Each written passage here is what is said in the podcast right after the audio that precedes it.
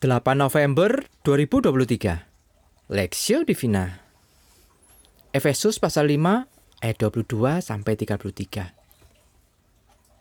Hai istri, tunduklah kepada suamimu seperti kepada Tuhan. Karena suami adalah kepala istri, sama seperti Kristus adalah kepala jemaat. Dialah yang menyelamatkan tubuh.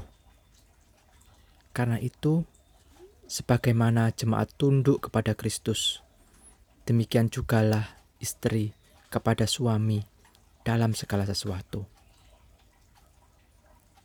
Hai suami, kasihilah istrimu, sebagaimana Kristus telah mengasihi jemaat dan telah menyerahkan dirinya baginya untuk menguduskannya sesudah ia menyucikannya dengan memandikan dengan air dan firman. Supaya dengan demikian ia menempatkan jemaat di hadapan dirinya dengan cemerlang, tanpa cacat atau kerut atau yang serupa itu. Tetapi supaya jemaat kudus dan tidak bercelah. Demikian juga suami harus mengasihi istrinya sama seperti tubuhnya sendiri. Siapa yang mengasihi istrinya, mengasihi dirinya sendiri. Sebab tidak pernah orang membenci tubuhnya sendiri, tetapi mengasuhnya dan merawatinya, sama seperti Kristus terhadap jemaat. Karena kita adalah anggota tubuhnya. Sebab itu, laki-laki akan meninggalkan ayahnya dan ibunya dan bersatu dengan istrinya, sehingga keduanya itu menjadi satu daging. Rahasia ini besar, tetapi yang aku maksudkan ialah hubungan Kristus dan jemaat. Bagaimanapun juga, bagi kamu masing-masing berlaku, kasihlah istrimu seperti dirimu sendiri, dan istri hendaklah menghormati suaminya. Perspektif Kristus dalam keluarga perspektif.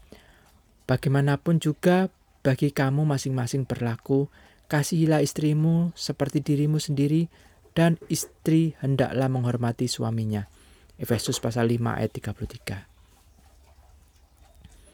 Kasus perceraian terus meningkat dan mirisnya keluarga Kristen pun tidak luput darinya. Tentu perceraian tidak serta-merta terjadi begitu saja. Ada banyak faktor dapat memicu perceraian terjadi.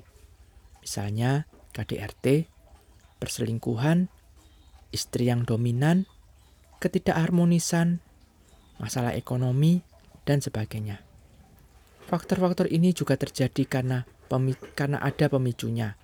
Misalnya, kasih yang memudar, komunikasi yang tidak lancar, perlakuan yang kasar, dan tidak adanya dasar keluarga yang benar. Berbagai faktor ini bukan hanya terjadi di masa kini, tetapi juga terjadi di tengah jemaat yang Paulus layani. Karena itu, Paulus juga berbicara mengenai Kristus sebagai dasar dan kepala dari keluarga.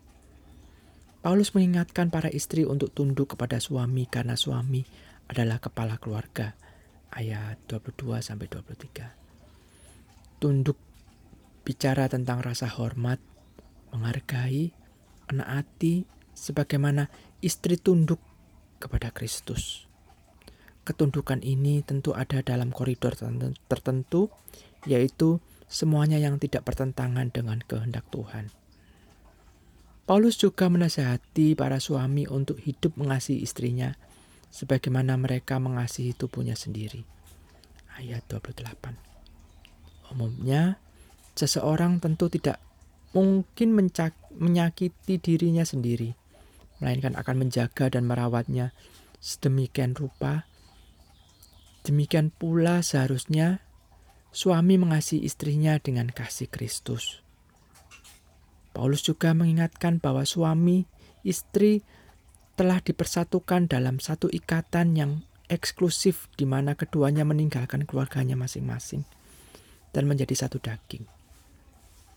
Di dalam ikatan ini, relasi dan kasih dalam diri suami istri ini tidak dapat dibagi dengan orang lain, tetapi dibagi dalam kesetiaan dan ikatan suami istri. Demikianlah seharusnya dasar dari keluarga Kristen. Kasih Kristus dan ketundukan kepada Kristus menjadi landasan membangun kehidupan keluarga dengan tetap menjadikan Kristus sebagai kepala keluarga. Dalam menjalani kehidupan pernikahan, tentunya ada beragam tantangan dan juga pergumulan yang dihadapi. Namun, biarlah kasih Kristus dan ketundukan kepada Kristus menjadi landasan kehidupan pernikahan di tengah segala tantangan dan pergumulan, agar keutuhan pernikahan tetap terjaga. Studi pribadi, bagaimana seharusnya istri bersikap kepada suaminya? Ayat 22 sampai 24. Sebaliknya, bagaimana seharusnya suami memperlakukan istrinya? Ayat 25 sampai 30. Apakah dasar dalam pernikahan? Di tengah tantangan, apa yang menjadi dasar kita mempertahankan pernikahan? Pokok doa, berdoalah agar Tuhan menolong kita menjadikan Kristus kepala pernikahan kita. Tuhan menolong istri dan suami hidup bersama dalam kasih Kristus, menjadikan kasih dan ketundukan Kristus sebagai dasar pernikahan.